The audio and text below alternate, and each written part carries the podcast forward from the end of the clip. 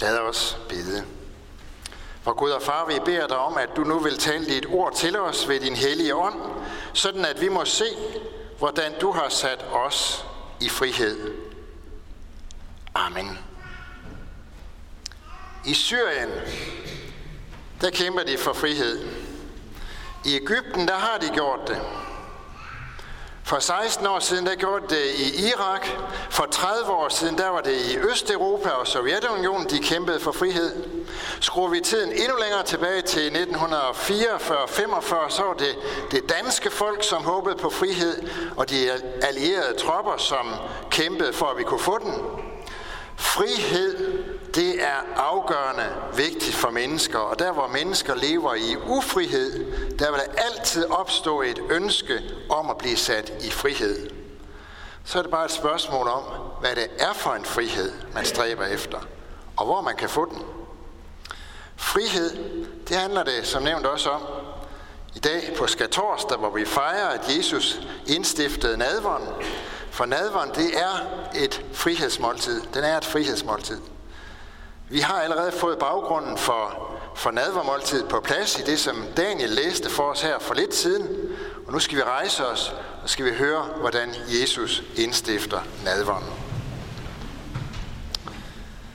Den første dag under de usyrede brøds fest, kom disciplene hen til Jesus og spurgte, hvor vil du have, at vi skal forberede påskemåltid til dig? Han svarede, gå ind i byen til den og den og sig til ham, Mesteren siger, min time er nær, hos dig ved at holde påskemåltid sammen med mine disciple. Og disciplene gjorde, som Jesus havde pålagt dem, og forberedte påskemåltidet. Da det blev aften, satte han sig til bords med de tolv, og mens de spiste, sagde han, Sandelig siger jeg, en af jer vil forråde mig. De blev meget bedrøvet og begyndte en efter en at spørge ham, det er vel ikke mig, herre? Han svarede dem, det er ham, som med hånden døbede i fadet sammen med mig, der vil forråde mig. Menneskesønnen går bort, som der står skrevet om ham, men ved det menneske, som menneskesønnen forrådes af. Det var bedre for det menneske, om det aldrig var født. Judas, som forrådte ham, spurgte, det er vel ikke mig, rabbi? Han svarede ham, du sagde det selv. Mens de spiste, tog Jesus et brød, velsignede og brød det, gav sine disciple det og sagde, tag det og spis det, dette er mit læme. Og tog et bæger, takkede, gav dem det og sagde, drik alle heraf. Dette er mit blod, pagtens blod, som udgives for mange til søndernes forladelse. Jeg siger jer, fra nu af skal jeg ikke drikke af vintræets frugt, før den dag jeg drikker den som ny vin sammen med jer i min fars rige. Og da de havde sunget lovsangen, gik de ud til oliebjerget. Amen.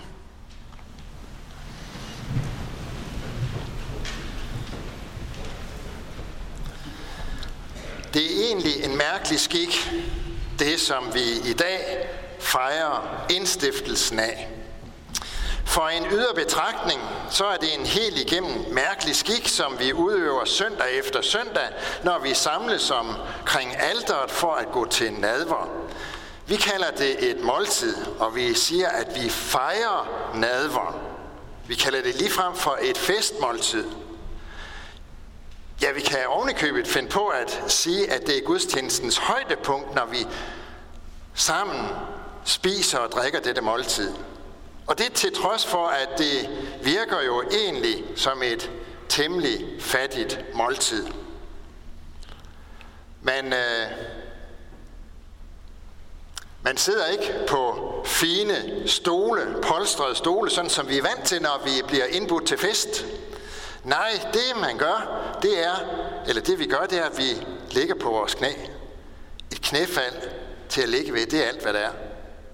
Der bliver ikke budt på rigelige retter med forret og hovedret og dessert, som der bliver sendt rundt flere gange, sådan som vi er vant til det, når vi bliver indbudt til supsteg is, eller hvad det nu er. Nej, det vi bliver budt på, det er et enkelt stykke tørt brød, knap nok mere end en krumme. Der blev ikke budt på forskellige drikkevarer efter behag, og vin med forskellige lagring. Nej, vi får et lille bæger, og det fyldes ikke engang helt op. Kun lige nok til, at vi kan smage vinen. For en yderbetragtning, så er det et mærkeligt måltid. Og derfor kan vi også hurtigt blive enige om, at øh, det er hverken beværtningen, serveringen, maden eller vinen, som gør det her måltid til noget særligt. Og som i det hele taget beretter til, at vi kalder det for øh, den, den smule, som vi får ved nadvaren for et måltid. Alligevel, så er det altså netop det måltid, som kaldes for det rigeste måltid på jorden. Og som det bliver sagt om, at det er et måltid, som man kan leve længe på og få styrke af. Og når vi kalder nadveren for et festmåltid, så er det jo heller ikke retternes herlighed i sig selv, som vi tænker på, og som gør det her måltid til noget særligt. Nej, det er indholdet i måltidet, som gør nadveren til noget. Det indhold, som nadveren har, ikke blot fra dengang Jesus indstiftede nadveren for 2000 år siden, men endnu længere tilbage i historien. Omkring ved 3300 år skal vi tilbage i tiden, fra dengang israelitterne blev udfriet af Ægypten. Israelitterne skulle forud for den øh, 10. Plage, sidste plage, der skulle de slagte et lam. De skulle tilberede det og spise det sammen med usørt brød og bitre urter. Det måltid skulle være et frihedsmåltid for dem, for nu ville Gud udfri dem af Ægypten og af faraos fangenskab. Derfor fik israelitterne, som vi hørte Daniel læse det for lidt siden, også senere besked på, at det her måltid, det skulle de blive ved med at fejre hvert eneste år ved den første fuldmåne efter forårsjævndøgn. Det skulle være påskemåltid for dem. Og de skulle fejre det som et mindemåltid, som et frihedsmåltid, for at minde de kommende generationer om, hvordan Gud på underfuld vis havde udfriet dem af fangenskabet. Men det var ikke blot et mindemåltid om, hvordan Gud engang havde sat dem i frihed. Påskemåltid, det er også et måltid, som peger fremad, og som gav løfte og giver løfte om, hvordan Gud på ny vil udfri dem. Den tradition holder jøderne stadigvæk i hævd, og den blev holdt i hævd på Jesu tid, for det var jo netop et påskemåltid, som Jesus skal torsdag aften fejre med sine disciple. Hvor vil du have, at vi skal forberede påskemåltid til dig? Sådan spurgte disciple ham. Og der var slet ikke tvivl hos dem om, at selvfølgelig skulle Jesus fejre det her måltid. Det her minde- og frihedsmåltid sammen med sine disciple. Det må have været en mærkelig uge for disciplen, som øh, for de flestes vedkommende havde fulgt Jesus igennem flere år. Først så havde de set deres mester blive tiljublet af store folkeskare, da han red ind i Jerusalem. Må ikke de fleste, af, også af disciplene ved den lejlighed, havde tænkt på Guds løfter. Løfterne om, at nu han ville udfri sit folk, og tænkt, at Jesus han måtte være den her befrier. Senere, så var der måske sket det, at drømmene de var faldet fra hinanden, da de havde set, hvordan Jesus i vrede havde renset templet, hvordan han havde lagt sig godt og grundigt ud med så at sige alle de religiøse grupper i det jødiske folk, de skriftkloge, farisæerne, herodianerne, sadukæerne, essæerne og hvad de ellers hedder. Alle steder havde han gjort sig upopulær ved at tale dem lige midt imod. Men nu skulle de fejre påskemåltidet, og Peter og Johannes bliver sendt afsted for at forberede måltidet, og de bruger resten af dagen på at forberede det efter forskrifterne med usyret brød og bitre urter og fire bæger vin osv. Alt blev forberedt, som det skulle.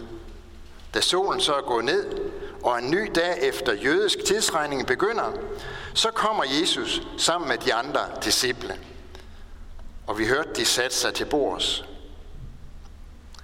Egentlig så står der, at han lagde sig til bords, fordi efter romersk øh, skik, så lå man nemlig som en fri person til bords. Hvis man var fri, så lå man til bords. Slaver, de måtte enten sidde eller stå op, men frie personer lå til bords. Og netop den her aften, der var det jo særlig vigtigt at ligge ned, for det var jo netop et frihedsmåltid, som de skulle dele.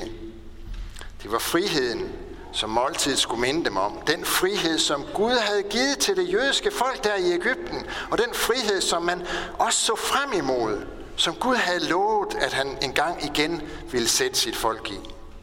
De lægger sig til bords, og så er det Jesus, han kommer med den her chokerende meddelelse om, at der er en af dem, der ligger, der er en af jer, der ligger her, som vil forråde mig. Han gør det ikke ved at oppiske sådan en hets-stemning, sådan at forråderen rigtig kunne komme i menneskehænder. Nej, lad os lige prøve at stanse ved det, hvordan det er Jesus, han behandler ham, som vil øh, forråde ham.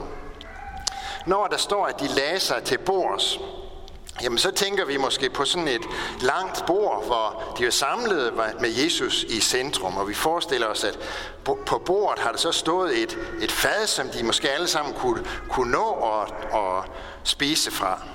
Sådan har vi også set det afbilledet med blandt andet øh, Da Vinci's berømte nadverbillede her. Sandsynligvis så har det slet ikke været sådan et bord, som de lå ved. Fordi det almindelige dengang, det var sådan et trælænget bord. Det er lidt mørkt det her billede, men jeg tror, vi kan fornemme på lysene alligevel, hvordan bordet er stillet op. Det er egentlig lidt ligesom, når vi dækker op til fest. Men, men husherren havde ikke plads ved midterbordet, sådan som vi sædvanligvis bruger det. Husherren lå næst yderst ved den ene af længerne. Og til højre for ham, der lå så husherrens nærmeste ven, og til venstre for ham, der lå æresgæsten. Og når det, der så var dækket op på den her måde, så er det klart, at så kunne de ikke alle sammen nå det samme fad. Derfor var der sat flere fade frem, sådan forskellige steder på bordet. Og så var det en to-tre stykker, som kunne, kunne øh, nå det fad.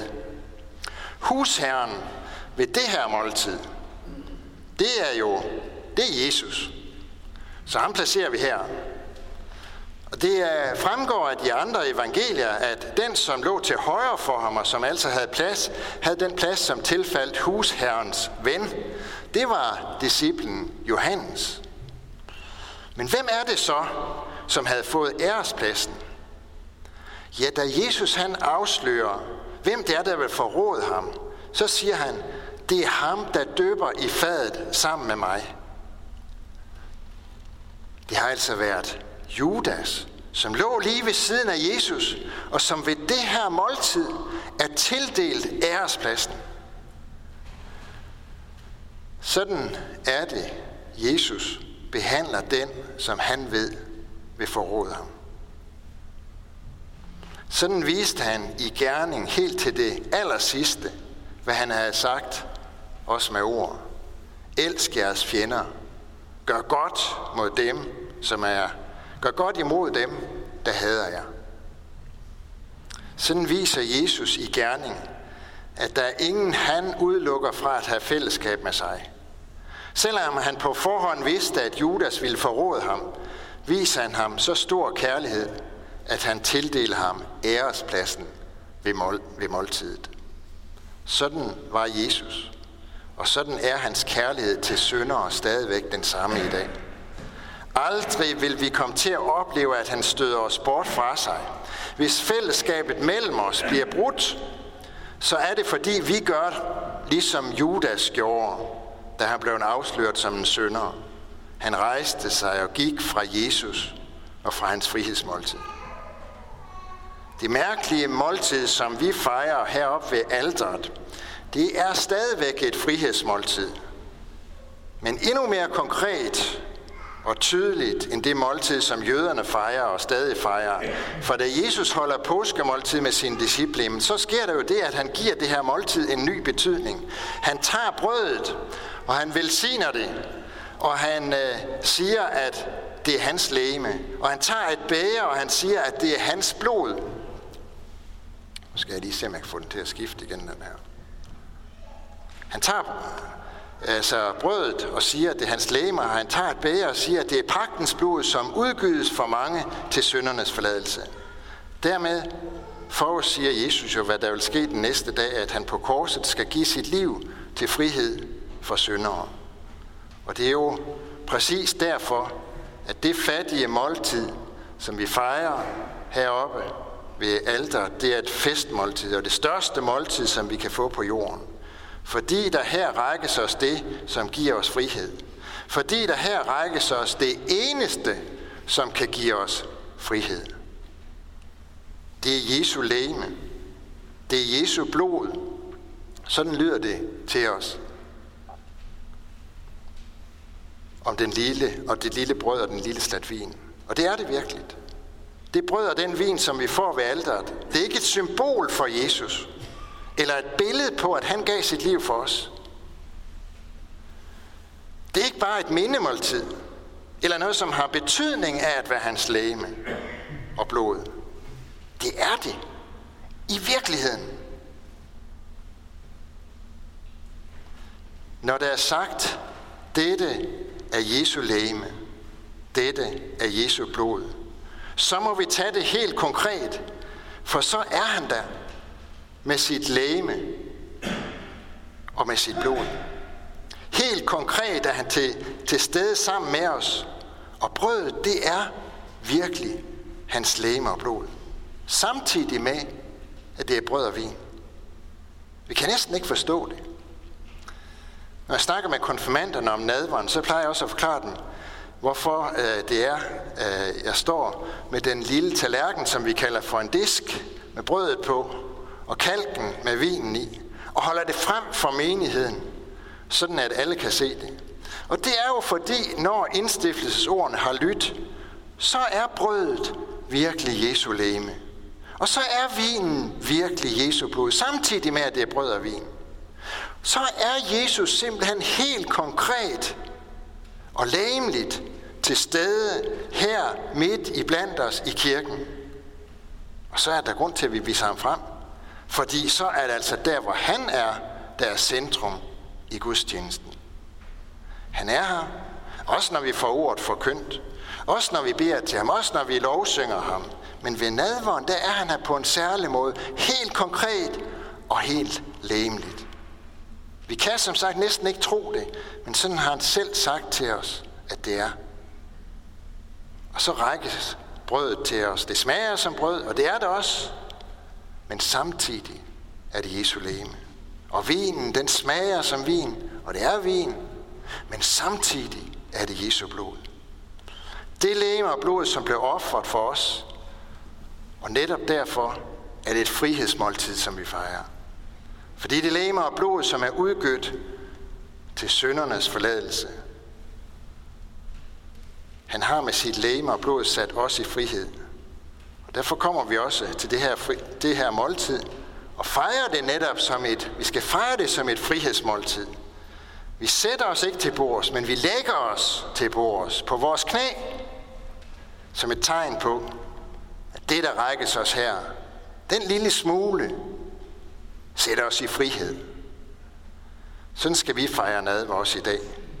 Som et frihedsmåltid, ligesom Jesus han gjorde sammen med sine disciple.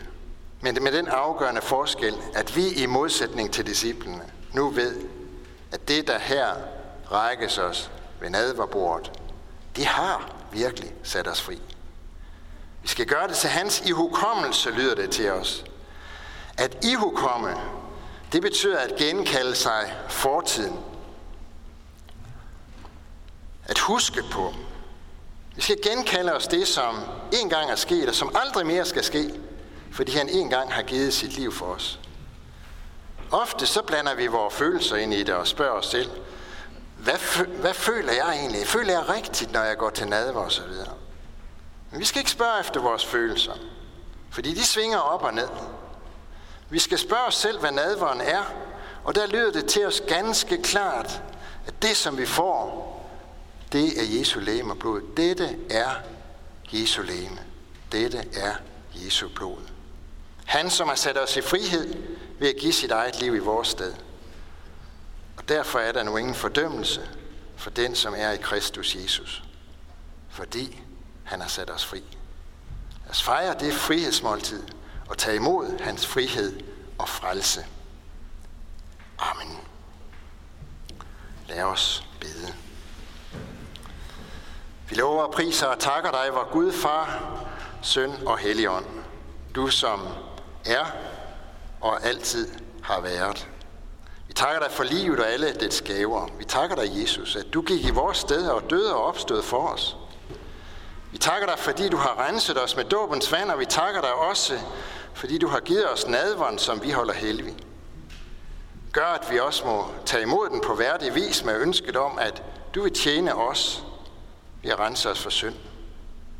Giv os tro på, at du virkelig er til stede hos os ved det lille måltid, og rækker os, og der rækker os dit læme og blod, og gør, at vi derfor må tro, at vores synder helt og fuldt er tilgivet.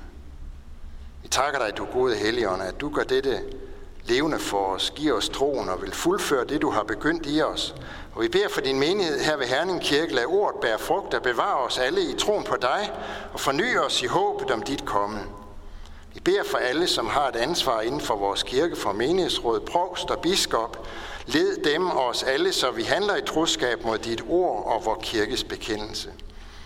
Vi beder og kalder den, du der tro tjenere og forkynder af dit ord. Og vi beder for vores missionærer og for alle, der går med dit ord, både her hjemme og i det fremmede. Styrk du dem, hold din hånd over dem, og lad deres gerning bære frugt. Vi beder for børnene, som døbes, at de må blive oplært i din kristne tro. Vi beder for konfirmanderne, at de må få lov at se dig, så de aldrig glemmer det. Kald vores børn og unge ind på troens vej og beskærm dem mod alle ødelæggende kræfter.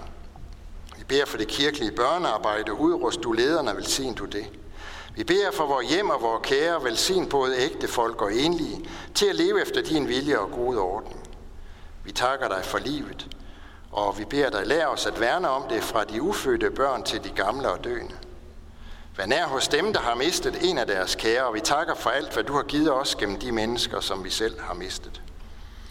Alle disse bønder overgiver vi til dig, Herre, og så takker vi dig, fordi vi ved, at du allerede har hørt for bøn. Amen. I morgen er der gudstjeneste igen. Der er passionsgudstjeneste hvor, øh, fredag kl. 10 ved min kollega Jens Mosgaard Nielsen. Og så er der selvfølgelig gudstjeneste igen på søndag, påskedag, og det er også kl. 10. Og anden påskedag har vi også gudstjeneste her i kirken, og det er ved Svend Erik Søgaard. Nu vil vi rejse os og med apostlen ønske for hinanden, må Herre Jesu Kristi nåde, Guds kærlighed og Helligåndens fællesskab være og blive med os alle. Amen.